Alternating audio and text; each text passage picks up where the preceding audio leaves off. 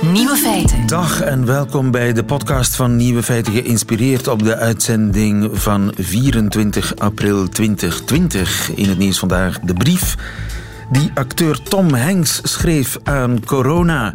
Corona niet het virus, maar corona het jongetje. Corona de Vries is acht jaar en woont in Australië en is een grote fan van Toy Story. Met in een van de hoofdrollen dus Tom Hanks. Toen corona hoorde dat zijn favoriete acteur geveld was door corona, was hij dan ook erg ongerust en schreef een brief naar zijn grote held om te vragen of alles oké was. En hij vertelde er ook bij dat het met hem niet zo goed ging sinds een paar weken, omdat kinderen op school hem nu niet langer corona noemen, maar coronavirus. Tijdje later kreeg corona post. Van Tom Hanks nog wel. Dear friend Corona stond er bovenaan de brief. Mijn vrouw en ik waren zo blij met je brief. Veel dank om zo'n goede vriend te zijn. Hanks had ook woorden van troost over voor de jongen. Hij moest zijn naam koesteren, vond hij. Je bent genoemd naar een kroon. De ring rond de zon, schreef hij. Om het helemaal af te maken zat er ook nog een cadeautje bij de brief. Een typemachine van het merk Corona. Een typemachine die Hanks naar eigen zeggen zelf gebruikte tijdens zijn quarantaine. Nu is hij voor jou. Vraag een volwassene hoe hij werkt en gebruik hem om mij een brief terug te schrijven, schreef Hanks. Die zijn brief besloten met een verwijzing naar Toy Story. P.S. You got a friend in me. Jeetje, de nieuwe feiten vandaag. De mysterieuze mezenziekte heeft een naam. Het is een bacterie, geen virus. Hagedissen hebben een soort van geurenbank op hun kont. NOS-journalist in Brussel, Sander van Horen, ziet hoe Belgisch wij de coronacrisis aanpakken. En Hugo Matthijssen, bekend van het Leugenpaleis, skyperitief met Cas Goossens, ook bekend van het Leugenpaleis, over de toestand in Itegem. In hun corona-chroniek. Veel plezier. Radiofonische vrienden van Nieuwe Feiten, welkom in een Idegemse coronakliniek. Den Hugo's, hè? Dag meneer Goossens, uh, hoe gaat het met u? Ja, misere Matthijsens. Ons Mia heeft een hersenschudding. Oei. Allemaal de schuld van, ik weet niet of je die kent, uh, Lange Charles. Ja, ja, ja, uw buurman. Ja, spijtig genoeg, ja. Ja, en, en die heeft uh, Mia mishandeld? Ja, ja en nee eigenlijk. Maar die, die Lange Charles die heeft ons Mia geterroriseerd. Oh nee. En daar heeft hij een hersenschudding aan overgehouden. Oei, dat is niet zo goed. Ja, maar het is een heel verhaal. Um, Ja? Dames en heren, mag even, dames en heren, beste luisteraars, als er kinderen meeluisteren, zet aan de radio misschien even af, want deze tragedie die is niet geschikt voor onvolwassen oren, Matthijsens. Ja, uh, oké, maar u hoeft dat niet te vertellen, uh, meneer Goossens. Ja, ja, maar ik, ik ga het doen uit, therapeutisch, uit therapeutische noodzaak, Matthijsens. Ik moet, Ah, ja. moet het van mij kunnen afkappen. Gelijk dat Dirk de Wachter zou zeggen. Verstaan? Ja, ja, ja, ja. ja. Matthijs, gisteren gaf ons Mia ineens het dwingende bevel om het gras af te rijden. Want ze ging skypen met haar zuster Annemie. Die, is getrouwd met een ding, met, met, met de Ludo van den Brande. Kende die? je? Nee, maar wat heeft het gras maaien met skypen te maken? Voor ons Mia was dat de allereerste keer dat die skypte en ze was, ze was wat zenuwachtig. Die dacht ook, onze Annemie en de Ludo die gaan dan deur het raam in de Skype onze hof kunnen zien. Verstond je? Ah, dus ja. on- onze, onze gazon moeten gewoon bijliggen. Ja, ja, ja. En ons Mia was ook bezig met, wat moet ik aan doen, wat moet ik aan doen voor die Skype en zo, hè. Ja, ja. Want, oh, en, en vooral ook, hoe moet dat dan met die computer? Want dat, dat, maar dat is allemaal niet zo simpel, hè. Ik dacht, weet je wat, ik dacht, lot er doen, lot er doen. Ja. Ik gun het gras afrijden, Ja. daar werk ik rustig van. Dus ik begin op een zo plantvriendelijk mogelijke manier mijn gazon af te rijden. Ja. Verstond je, Matthijs? Ja, Maar ineens ja. stond je Charles bij de Haag. Oei. Dus ik vertel je van dat Skypen en zo. Ja.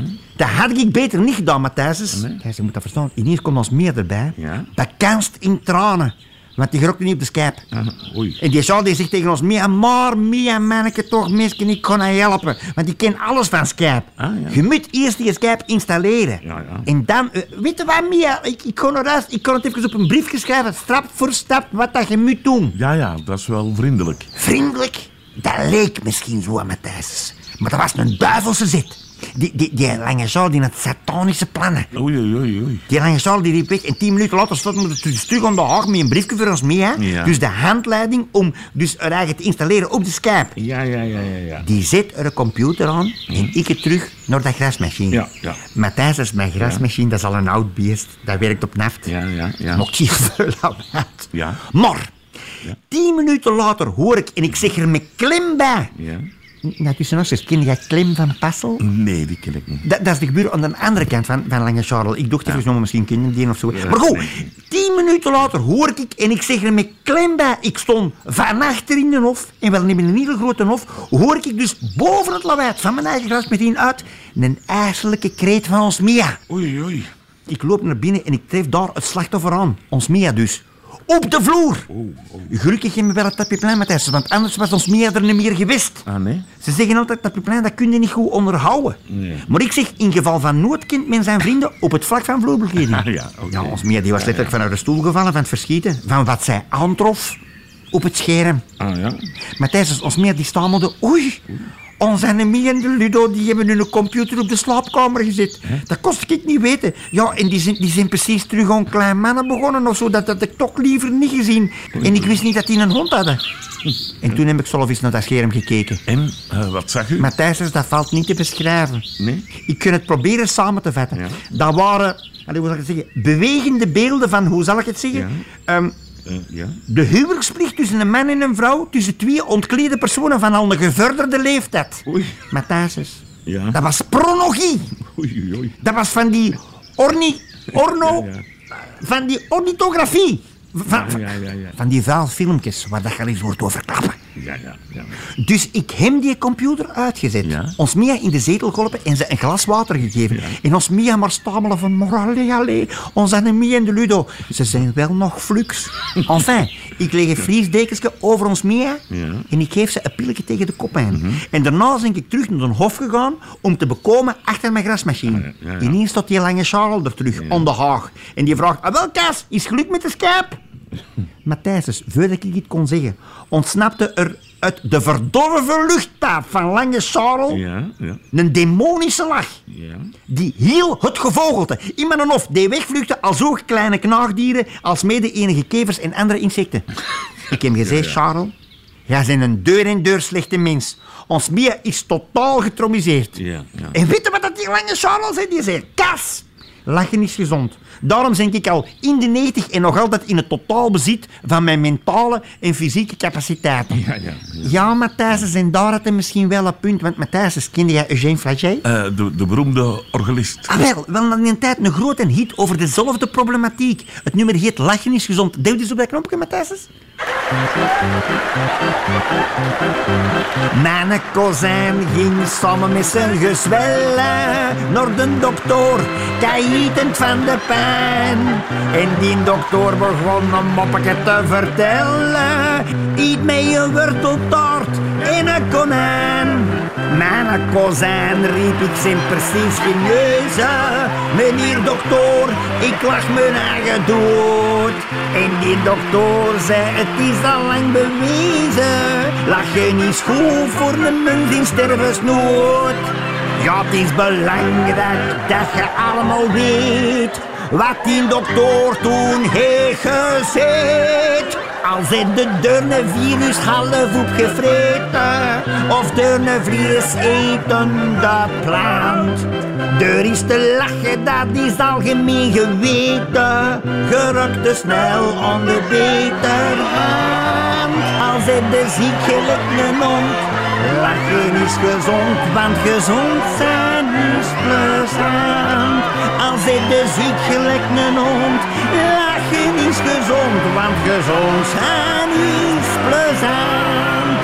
Gezond zijn is plezant.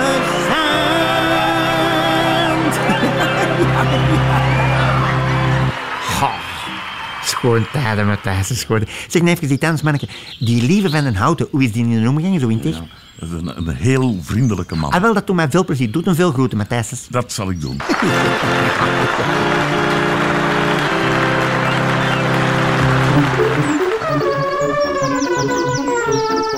Nieuwe feiten. Altijd benieuwd. Daarnet in het nieuws, maar eergisteren had ook eh, Muriel Vervaken van Natuur en Bos het in Nieuwe Feiten over die nieuwe mysterieuze dodelijke longziekte bij pimpelmezen. Even terugspoelen. Op dit moment is het eigenlijk nog helemaal niet duidelijk wat ervoor gezorgd heeft dat die pimpelmezen zo ziek zijn geworden en massaal uh, sterven. Dus het is niet uitgesloten dat het corona is? Het is niet uitgesloten dat het, dat het een virus is, zoals corona of een ander virus. Eigenlijk kunnen we daar nu nog niet veel van zeggen. Nee. Het heeft nog geen maar naam gekregen, ook die ziekte. Nee, nee, het heeft nog geen naam gekregen. Nee, de ziekte had nog geen naam eergisteren. Maar daar is dus inmiddels verandering ingekomen. Muriel Vervaker, nogmaals goedemiddag. Oh, Muriel, ben je weg? Dan gaan we jou snel bellen. Dat is wel bijzonder jammer, maar geen paniek. Kijk eens, we hangen al aan de lijn. Opnemen, Muriel. Met Muriel Vervaken. Dag Muriel Vervaken. We waren jou heel even kwijt, maar ik heb jou via de telefoon terug. Uh, je bent nog steeds van Agentschap Natuur en Bos. Uh, ja. uh, het, eergisteren wisten we nog niet hoe de mysterieuze pimpelmezenziekte heette. Intussen wel, hè? Ja, ondertussen is vanuit Duitsland duidelijk geworden dat de ziekte wordt veroorzaakt niet door een virus, maar wel door een bacterie, Cytonella ornithocola. Oei, oei, wacht, dat kan ik niet onthouden. Is daar, is daar ook een, een volksnaam voor bedacht al voor die bacterie? Nee, nog niet. Dus een, een moeilijk uitspreekbare uh, bacterie. Is, ja. En dus geen virus. Is dat een geruststelling? De geruststelling is wel niet dat we dat verwachten, maar in deze tijden van corona zijn de mensen soms wel eens bang. Het is wel een bacterie die zeker geen gevaar oplevert voor de mens of de huisdieren. Dus niemand hoeft daar um, verontrust voor te zijn voor zijn eigen gezondheid. Het is wel een bacterie die voor grote sterfte en ziekte onder pimpelmezen en koolmezen kan zorgen. Dus voor de meisjes is het minder goed nieuws. Ja, we hebben ook een oproep gelanceerd eergisteren om uh, zieke mezen te spotten en binnen te brengen. Is daar gevolg aan gegeven? Ja, heel veel gevolg. Um, ik wil iedereen daarvoor bedanken, want dat helpt ons echt wel om een idee te krijgen van wat er aan de hand is in onze populaties. En wat we nu merken is, sinds die oproep van jullie woensdag, zijn er al heel veel meldingen geweest op het meldpunt en merken we dat er ongeveer een zeventigtal dode of zieke dieren gemeld zijn die, waarvan het ziektebeeld overeenstemt met deze infectie. Die zijn nu nog niet onderzocht, maar dus naar alle waarschijnlijkheid is die bacterie ook verspreid naar Vlaanderen. Want we vinden, we krijgen die meldingen verspreid over de verschillende provincies. Iets meer aan de oostkant, maar eigenlijk over alle provincies heen. Eigenlijk over alle provincies heen, maar het rukt op vanuit het oosten en dat kan kloppen, hè, want de ziekte is eerst gemeld in Duitsland. Ja, ja, dat komt eigenlijk helemaal overeen met wat we verwachten. Wat wij nu gaan doen is, wij gaan die, um, een aantal van die dode dieren gaan wij nu onderzoeken om zeker te zijn dat het om dezelfde bacterie gaat. Dus dat gaat nog eventjes verder onderzoek moeten uitwijzen. Maar het blijft wel heel belangrijk dat iedereen um, de dode en de zieke meisjes meldt, zodanig dat we in kaart kunnen brengen um, hoe groot het verspreidingsgebied is en wat de impact gaat zijn op onze vogelpopulaties. Ja, dus wij blijven rekenen op uh, de luisteraar, op de medewerking van de luisteraar om uh, dieren binnen te brengen. Waar kunnen mensen die dieren binnenbrengen of melden? Zij kunnen die melden aan de opvangcentra voor in het wild levende dieren. Dat zijn opvangcentra waar mensen alle noodlijdende dieren die in het wild gevonden worden um, verzorgen. Dus op de website van vogelbescherming.be of van Natuur en Bos kan je um, alle contactadressen van die verschillende centra vinden en die zijn verspreid over het gehele land. Ja, ja. Dus je kiest gewoon het opvangcentrum dat het dicht bij, bij, bij jouw woning ligt. Juist. En dus de bacterie Sutonella ornith Tocola. Ik zal het misschien ooit Ja. onthouden, maar ik zeg gewoon Sutonella. Sutonella, dat kan ik nog... Ja, nog Sutonella. Dat kan ik nog aan. Sutonella, dat is een dodelijke bacterie, besmettelijk ook. Dus die diertjes besmetten elkaar. Is er, eh, er is geen gevaar voor zoonose. Dat is een moeilijk woord dat ik toevallig Nee. wel ken. Dus het eh, springen van de bacterie van dier op mens, of van een virus op, op, eh, van dier op mens, zoonose, daar is geen gevaar voor. Maar is er, is er ja, eh, pimpelmezen zijn al niet zo geweldig frequent? Nee, ja, de, onze, de meespopulaties hebben ook, staan ook onder druk door alle pesticiden die gebruikt worden. Dus Juist, het is ja. inderdaad, er komt ook meer droogte. Dus ja, het kan onze populaties wel wat onder druk zetten. Daarom, ja, het enige wat we nu kunnen doen is het opvolgen en ook wel de oproep blijven doen naar mensen. Als jullie drinkbakjes hebben in de tuin, spoel ze zeker altijd goed uit na een dag. Laat ze goed drogen. Dat moest er infectie komen, dat je, zorgt, dat je niet zorgt dat het zich verder verspreidt. Ja, ja. Eh, want social distancing, eh, dat zou natuurlijk ideaal zijn, maar dat kun je aan de pimpelmezen niet, uh, niet wijsmaken. Als u er een, een ziek diertje vindt, in een kartonnen doosje, naar het dichtstbijzijnde opvangcentrum en de adressen vind je bij Natuur en Bos of op de site van vogelbescherming.be. Muriel Vervaken, dankjewel. Goedemiddag. Ja, goedemiddag. Nieuwe feiten. De ontdekking van België.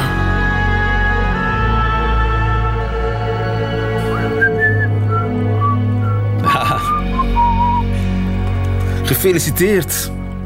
Fluiten kan hij in ieder geval, maar kent hij ons land al? Sander van Horen, de voormalige correspondent Beirut van de NOS, die sinds een paar jaar is verhuisd naar Brussel om te berichten voor onze Nederlandse vrienden van eh, wat er zich allemaal afspeelt in ons land. Die komt elke week vertellen van zijn wonderbaarlijke ontdekkingstocht. In ons land, Sander, goedemiddag. En ik ben deze dagen, net zoals alle Vlaamse ouders, uh, Vlaams onderwijzer ook. En dat, uh, nou ja, in de zin van. Oh ja, natuurlijk. Jij, jij moet de. jouw kind, je hebt kinderen. Ja. En eentje zit er in Brussel op een school die nog enigszins Nederlands is. Dat is de oude uh, Nederlandse school. Maar mijn oudste dochter die zit op het uh, Vlaamse middelbaar onderwijs in Brussel. Gewaagd. nou ja, we hebben geen andere mogelijkheid. Ja, of de Europese Je zou ze liefst naar de, naar de echt Hollandse school sturen? Um, nou, dat weet ik eigenlijk niet. Nee, nee ik eh, denk wel dat uh, als je in een land bent en het onderwijs is daar goed, dan moet je ook in het uh, systeem van dat land passen. Dat hebben we tot nu toe altijd gedaan. Onze kinderen hebben nooit op internationale scholen gezeten. Ook niet in Israël en ook niet in Libanon. Dus de keuze voor uh, Vlaams onderwijs... ja, ik, ik, stuur ze dan wel naar Nederlandstalig onderwijs. Niet oh, ja. Franstalig onderwijs. Ja, ja. Maar ik had even... Sorry, ik had even verkeerd begrepen... dat een van je dochters naar een echt Hollandse school aan Nee, dat is de voormalige Nederlandse school in Brussel. Dat is de Prinses Juliana school. Maar dat is toch een soort Nederlandse school. Zeker, en het is een Nederlandse enclave. Maar het wordt wel het Belgisch curriculum gevolgd. Hè, oh, ja. Een soort mix. Want het moet voorbereiden op eh, het Vlaamse onderwijs eh, daarna. En zitten daar allemaal uh, landgenoten van jouw dochter? Nou, maar er zitten ook Belgische oh ja, het is kinderen natuurlijk. Oh. Ja, nee, het is echt wel een mix. En de grap is dat je dus inderdaad nu veel meer contact hebt met die klas. En ook de kinderen in die klas, omdat er videoklassen zijn. En vandaag ook weer zo'n moment dat mijn kinderen, ik ben een gadget freak, dus devices, computers, laptops, iPads in mijn huis, die zijn er uh, Ze in over. maar die kinderen van jou. Maar precies, want eh, er was dus één kind in de klas dat, en voor alle ouders die luisteren is dit heel herkenbaar, die zei, uh, hoe lang duurt dit nog? Want mijn broertje heeft een les over uh, een half uur en dan is deze laptop dus nodig. En dat deed me eraan denken dat ik contact had met iemand binnen het Vlaams onderwijs in het Brussels gewest. En die zei. Um, ik maak me zorgen om bepaalde scholen. Want dat Nederlandse schooltje en ook die, de Mabo, uh, in, uh, waar, waar mijn oudste dochter op zit, die redden zich wel. En daar, maar er zijn scholen waar de afgelopen periode 70% van de kinderen onder de radar is verdwenen, van de radar is verdwenen. dus dat is nog veel hoger dan het Vlaams gemiddelde. De Vlaamse scholen in Brussel nou ja, daar, daar zie je dus de komende tijden echt de achterstanden ontstaan. En ik zat hardop te denken, zou je niet in plaats van halve dagen school bijvoorbeeld... moeten zorgen dat die kinderen ergens ondergebracht worden? Ik bedoel, mijn kinderen die redden het wel thuis. Ja. Maar er zijn dus heel veel kinderen die gewoon echt serieuze achterstanden... Maar goed, met z'n allen zitten we te wachten op de heropening van de scholen. Ja. en daarover was heel wat te doen uh, deze week. Is daar iets opgevallen, jou nou, opgevallen? toch wel dat um, iedereen en dat, dat is uiteindelijk natuurlijk het beangstigende. Iedereen doet maar wat. En uh, dat zie je op, op het niveau van landen. Nederland doet maar wat. Hè. Dan, dan zie je daar de minister van Onderwijs die zegt... Uh, vooral geen halve dagen school. Want dat legt weer, hè, en daar kun je iets bij voorstellen... druk op het openbaar vervoer, lange werkdagen voor leraren... problemen met vakbonden. Nou, hier is dat bijvoorbeeld nog wel nadrukkelijk een optie... maar een optie die dan neergelegd wordt door het Vlaamse onderwijs. Dat ik denk, ja, wacht dan eventjes op de federale beslissingen... of in elk geval de beslissingen van uh, de zeven premiers. En, en ik vind dat wel interessant om te zien... en dat is ook wel een vergelijking met Nederland die, die onrust die begint toe te nemen. Dus eh, het wachten op de virologen en bijgevolg het uh, de grote regeringsverhaal dat doen we niet meer. We, we beginnen te drukken en te pushen. En, en ik vind dat wel interessant. Ja, uh, uh, kanselier Merkel had daar een heel mooi Duits woord voor, maar ik ben het vergeten. Het kwam er vrij vertaald in het Nederlands op neer. Exit-strategie, discussie, orgie. Ja. Die nou, moesten we vermijden precies. volgens de kanselier. Ja, ja. Ja, en over dan de orgie van woorden nog eventjes compleet terzijde. Uh, ik ben blij dat we dus uh, met de ministers van Onderwijs de komende tijd vooral te maken hebben. Want uh, anders dan heb je de verplichte rondjes langs de ministers van Binnenlandse Zaken. En die Pieter de Krem zeg. Hoezo? Nou, ik, zie, ik vind het fascinerend om te zien. Je hebt van die guilty pleasures deze dagen. Dat um, als hij ergens in een studio zit. En soms ontkom je er niet aan, want het is toch de minister van Binnenlandse Zaken de oogrollen van de presentatoren. En ik merk het bij mezelf ook. Je stelt een vraag, of er wordt een vraag gesteld. Twee minuten later is het antwoord afgelopen. En je vraagt je af, wat heeft hij nou gezegd? het is zo'n sussende woordenbrei. En dan denk ik van juist in dit soort tijden... moet je op dat soort posities mensen hebben die kunnen communiceren. Nou, we hebben de hele discussie natuurlijk rond Sophie Wilmes die onzichtbaar. Wat vind je van haar? Is precies. Um, in Nederland heb je natuurlijk communicatiewonder Mark Rutte, die woorden in, uh, verzint. Hè, de anderhalve meter samenleving, uh, de, de intelligente lockdown. Hè, dat zijn dingen die hij verzint waarmee je het beleid verkoopt. En zeker in deze dagen dat mensen ongeduldig beginnen te worden, is het beleid verkopen natuurlijk ja, uh, cruciaal. cruciaal ja. En communicatie dan, maar, is cruciaal. Communicatie. Uh, en wat vind je van de communicatiestijl van uh, Sophie Wilmes? Um, ja, nou ja, weet je, ik, ik geef het er te doen zonder echt heel nadrukkelijk uh, mandaat. Ik, ik vind het nog meevallen. Het had heel veel erger gekund. Dus ja, Mark Rutte heeft hoe lang ervaring? Negen jaar, tien jaar? Ja, nee, zeker. Ja, nee, een half jaar. Dus en je kunt, is je kunt niet, je kunt geen wonderen verwachten. Maar ze, ze is wel een soort moederlijke, wijze figuur die ja. geloofwaardig overkomt. En zeker omdat ze dus aan het hoofd staat van een gemandateerde regering, hoe moet je het zeggen? Maar in elk geval geen breed uh, uh, uh, geen super, regering ja. heeft in de Kamer. Ze had veel makkelijker de kop van Jut moeten zijn. Dus het feit dat ze dat nog niet is is op zich al, uh, ja, al een verdienste. Maar goed, even terug maar naar jou valt, jou valt op dat gehakketak, dat dat Vlaamse niveau het voortouw wil nemen. Ja. Je ziet België aan het werk. Ja, en je ziet dus... In al zijn dysfuncties. Dat, dat, zie je in Nederland ook gebeuren, dat het weer meer politiek begint te worden. Dus de bevolking ja. wordt ongeduldig, maar de dames en heren politici dus net zozeer. Ja, crisisbeheer, dat is, die fase is een beetje afgerond. Waarbij we het virus moeten inperken. Nu moeten we met het virus leren leven, moeten er keuzes gemaakt worden. En dan zie je het Belgische gehakketak. Nou nee, en, en, dat, en dat vind ik een aardige uh, overeenkomst met Nederland. Ook daar zie je weer met rapporten die lekken. Dus verwachtingen die voordat de officiële mededelingen komen. Ja, in simpeler landen is het al ingewikkeld. Dus ja, hier al je helemaal. Houdt je, je, houdt je hart vast. Zeker, ja. Maar jij wou nog, je had nog een ja, nou, observatie. Ik, ik, ik, had een hele grappige observatie tijdens het wandelen, wat je deze dagen dus veel doet. En dan kom je veel mensen tegen die je dan heel netjes uh, anderhalve meter hè, met een boog eromheen loopt. Maar je, je groet elkaar vaker. En ik word uitgelachen door mijn gezin op het moment dat ik dag zeg. En je wordt uitgelachen uit... door je gezin op het moment dat je dag zegt? Ja, want nou in, in, in Israël zei je shalom tegen mensen of salam aleikum als het tegen uh, uh, Arabieren was. In uh, de rest van het Midden-Oosten zeg je salam aleikum. Dus hier is het volstrekt logisch dat je net zoals daar niet iedereen begroet met hallo. He, wat wij in Nederland zeggen, hallo. Alleen, dan mag je hier dus ook geen dag zeggen. Want dan, nou ja, kan je net zo goed hallo zeggen. Dus dat moet een beetje dag of goeiedag. En dat is volstrekt logisch, want je groet mensen natuurlijk in de taal van het land. Maar omdat het zo dicht bij het Nederlands zit en je dus het, het, toch anders uit moet spreken, klinkt het ook voor mij nog altijd raar als ik dat doe en mijn gezin lacht me erom uit. Ja, dus nog oefenen op dag. Ja, of gewoon hallo. Je kan hey zeggen. Hey, hey, hey, hey. hey. Dat kan allemaal. Ja, ja, tuurlijk. Oké. Okay. Wat ons brengt bij de gevreesde.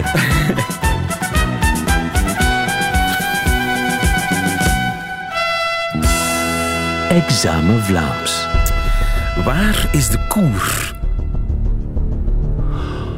Oh, dat ben ik wel tegengekomen, ja. Context. Onderwijs. Onderwijs. De... Nee, nee, nee, nee, kom ik niet op. Hoe moet dat met social distancing op de koer? Op de koer, de, de, het speelplein? Een speelplaats, speelplein. Ah, de koer. Ah, ja, ja. Weer inderdaad van het Frans. Ja, ja, ja. ja, Dat, en in Nederland heet het toch... Het, heet dat in Nederland courant het speelplein? Het speelplein. Het speelplein, ook Ja. op school. Of het schoolplein. Het, school, Schoolplein. het Ja. schoolplein, dat is het eigenlijk. Alcoholstift. Alcoholstift.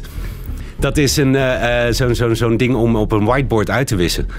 Ja, juist niet. Want met een alcoholstift, dat is echt een permanent marker. Ah, oké. Ik dacht van alcohol dat oplost. Oké, ja. Permanent, hoe, heet, hoe heet dat in Nederland, een alcoholstift? Een permanente marker? Een, Eh, ja, een viltstift zou je dan toch zeggen gewoon. Ja. een lavabo. Een eh, toilet. Nee! Nee, een lavabo is geen... Hé, wat? Nee, het- bijna. Maar lavabo is geen toilet. Er zijn ja, pubers. Wie heeft het niet gedaan die eens in de lavabo geplast heeft? Maar eigenlijk is het daar niet voor bedoeld. Pardon? Een bidet dan?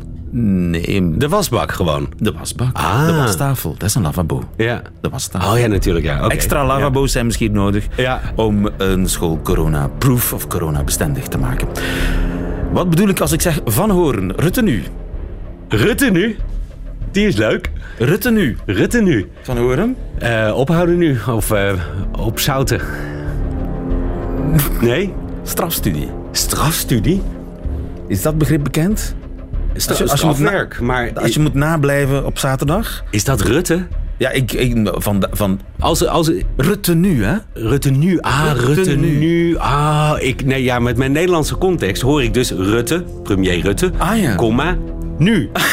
Rutte nu. Nee, nee, nee. Rutte Oh, nu. Rutte nu, dat is nablijven. Nablijven. Oh, Ja, ik weet niet of het nog mag, maar vroeger moest je dan strafstudie. Ja. Eh, en dan moest je op zaterdag komen, in de studie Maar zitten. echt altijd die soort, fout eh, bij mij dat ik gewoon, als ik een woord niet ken, moet ik denken, wat is dat woord in het Frans? En dan heb je het Vlaamse woord ervoor. Ja, nee. Ja, eh, we gaan nog even Rutte door, hè. we zijn al lang bezig, maar we gaan nog even door. Oké. Ehm, pennenzak. Een etui, Juist, heel goed. Ja. Brooddoos. waar wij dan weer het Franse woord gebruiken. Juist, Etui, ja. Suderans nog een Broodtrommeltje, ja. Brooddoos, broodtrommel. Ja, dat is eigenlijk een makkelijke. Kotmadam. Eh, de huisbazin zou ik dan interpreteren. De huisbazin. Maar het is meer de hospita. De hospita, oké. De huisbazin is inderdaad... wel, De verhuurster had eigenlijk ook wel Ja, een kind, Maar, ja. maar de kotmadam... Klassiek is het een kotmadam die, die ja. inwoont. Die haar Ja. delen van haar huis eh, verhuurt. Want dan ben je op kot. Op kot. Op ja. kot en op kamers. Eh, vandaar eh, blijf in uw kot. Ik meen het. Dankjewel, Sander van Horen. Je hebt het er vrij goed van afgebracht, vind ik. eh, va. deze week. Tot volgende week. Nieuwe feiten. Radio 1. Haagdissen die hebben blijkbaar een soort van geurbank. Op hun kont nog wel. Dat blijkt uit onderzoek waar Simon Bakens aan heeft meegewerkt. Goedemiddag, Simon. Eh, hey, dag lieve. Je bent bioloog en je hebt meegewerkt aan een onderzoek op haagdissen om te kijken of hun versiertrucs veranderen als de omstandigheden veranderen. Dat klopt toch, hè? Ja, dat klopt absoluut. Ja, we hebben eigenlijk gekeken naar, naar de pheromonen van die hagedissen. En, en eigenlijk zien of dat, of dat die snel kunnen evolueren en, en of, dat, eh, ja, of dat eigenlijk snel kan veranderen. Want haagdissen versieren elkaar met pheromonen. Ja, er, er zijn heel veel van de hagedissensoorten die ehm, heel hard steunen op, op pheromonen. Ja, andere ehm, ehm, ja, die, die vertrouwen heel hard op, op kleurrijke signalen, maar heel vaak ook op pheromonen. En hoe ruiken hagedissen eigenlijk? Wel, eh, heel veel van die hagedissen en ook slangen, die hebben een heel goed ontwikkeld Jacobson-orgaan, heet dat dan. Dat is een orgaan in, in het gehemelte van die hagedissen, dat hebben wij ook, maar daar is dat veel ehm, beter ontwikkeld. En die, die hagedissen die tongelen, als het ware. Dus die steken hun tong uit en die nemen dan zo chemicaliën op uit de omgeving en die brengen dat dan terug naar, naar dat Jacobson-orgaan. Maar dat is heel, heel, heel sterk. Ah ja, als je zo'n hagedis met zijn tong ziet zwiepen in de lucht, dan is hij niet aan het likkenbaarden, maar die is die eigenlijk aan het ruiken. Ja, ja, absoluut. Ja, zeker waar. En de geuren, waar worden die geproduceerd?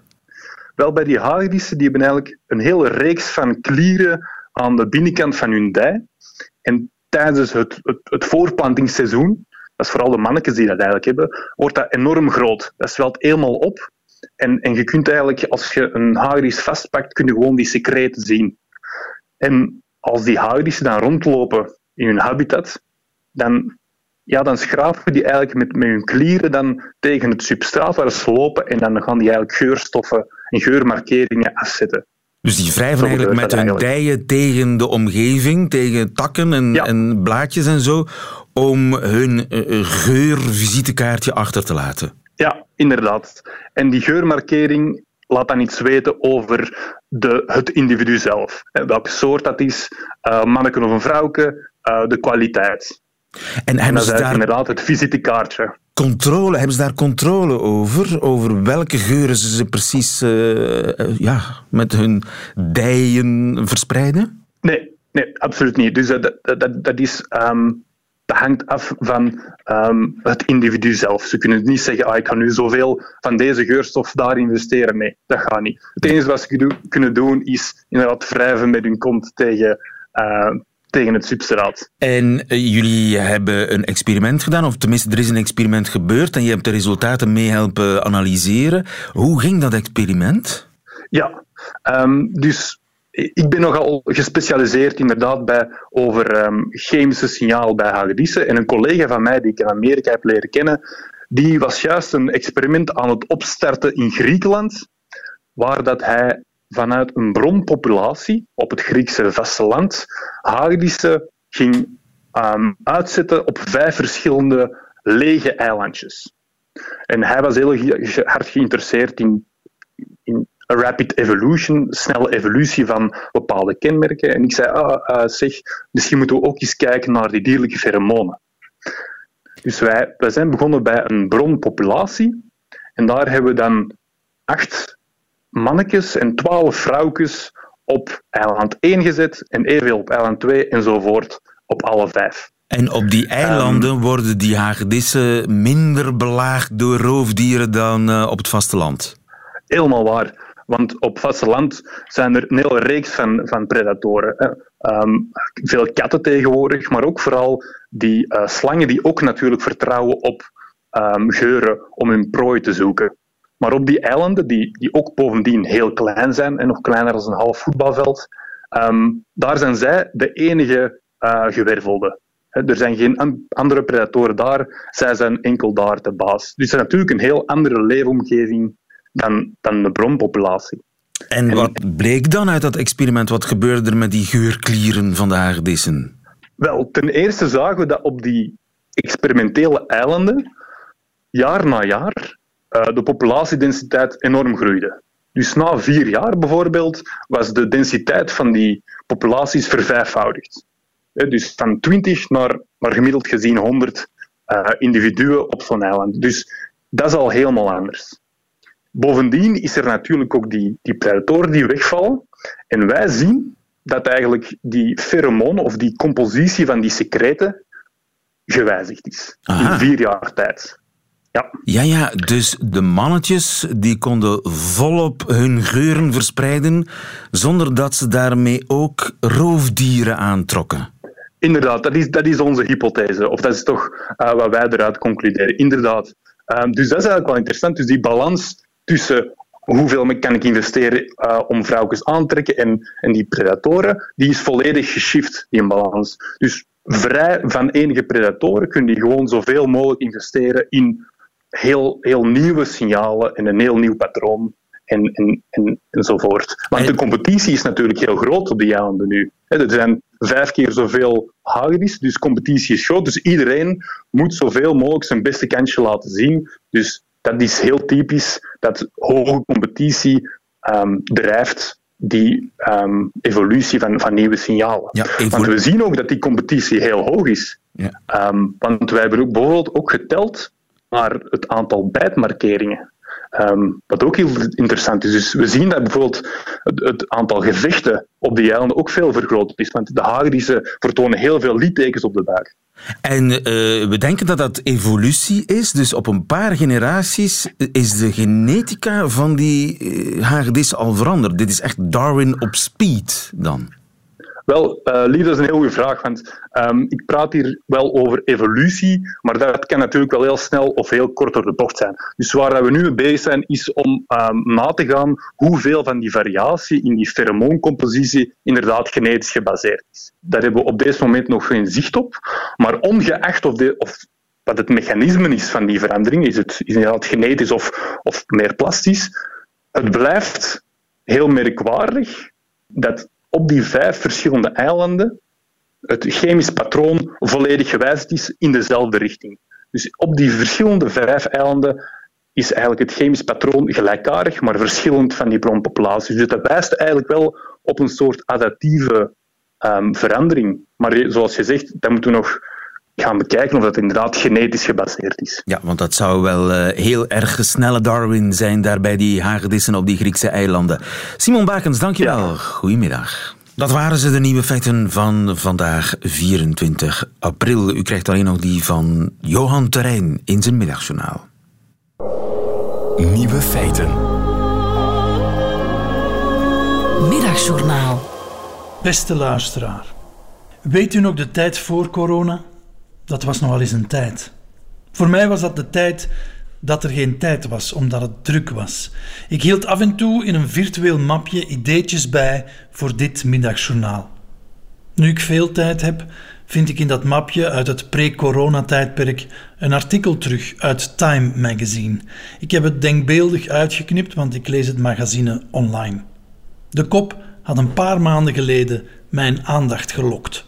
Nixon is the Dutch lifestyle concept of doing nothing and you're about to see it everywhere. Ja, zeg niet dat Time Magazine dit alles niet voorspeld heeft. Na het Deense Hugge en het Zweedse Lagom werd daar dus een paar maand geleden het Hollandse Nixen gepromoot als een trend. Het magazine legt zelfs letterlijk uit hoe het in elkaar zit. Practicing Nixon could be as simple as just hanging around looking at your surroundings, as long as it's without purpose and not done in order to achieve something or to be productive. Het is hoofdzakelijk dus wat rondhangen, wat in het rond staren ook, zolang het dus maar rond is en geen nut heeft. Een goudvis kom op wieltjes, ik roep maar iets. Met je goudvis gaan wandelen is strikt genomen ook niksen. Ik ben al mijn hele leven een nikser. Tussen het harde werken door kan ik echt goed niksen. Ik deed het vroeger als kind al, als ik mij verveelde. Ik liep rondjes rond de eettafel en probeerde een stappatroon te vinden in het oosters tapijt. Of op het gras liggen en naar de lucht kijken. Een tak pakken en de schors eraf prutsen. Jezus, wat heb ik al veel genikst in mijn leven. En nu blijk ik dus altijd al een trendsetter te zijn geweest, zonder het te weten. In deze dagen van afzondering heb ik weer tijd om te niksen en ben ik eerlijk blij dat ik het als kind heb geleerd en nog altijd kan. In het niks ontstaan nieuwe ideeën.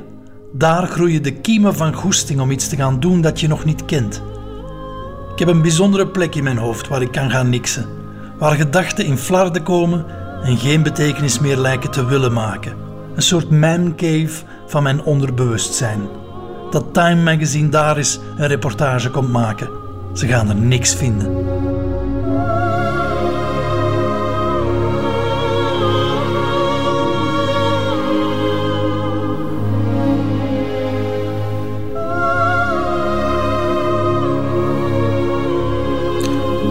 Middagjournaal met Johan Terrein. Einde van deze podcast hoort u liever de volledige uitzending van Nieuwe Feiten. Dat wil zeggen met de muziek erbij. Dat kan natuurlijk ook via onze app of via onze site, waar u overigens nog veel meer podcasts vindt. Tot een volgende keer.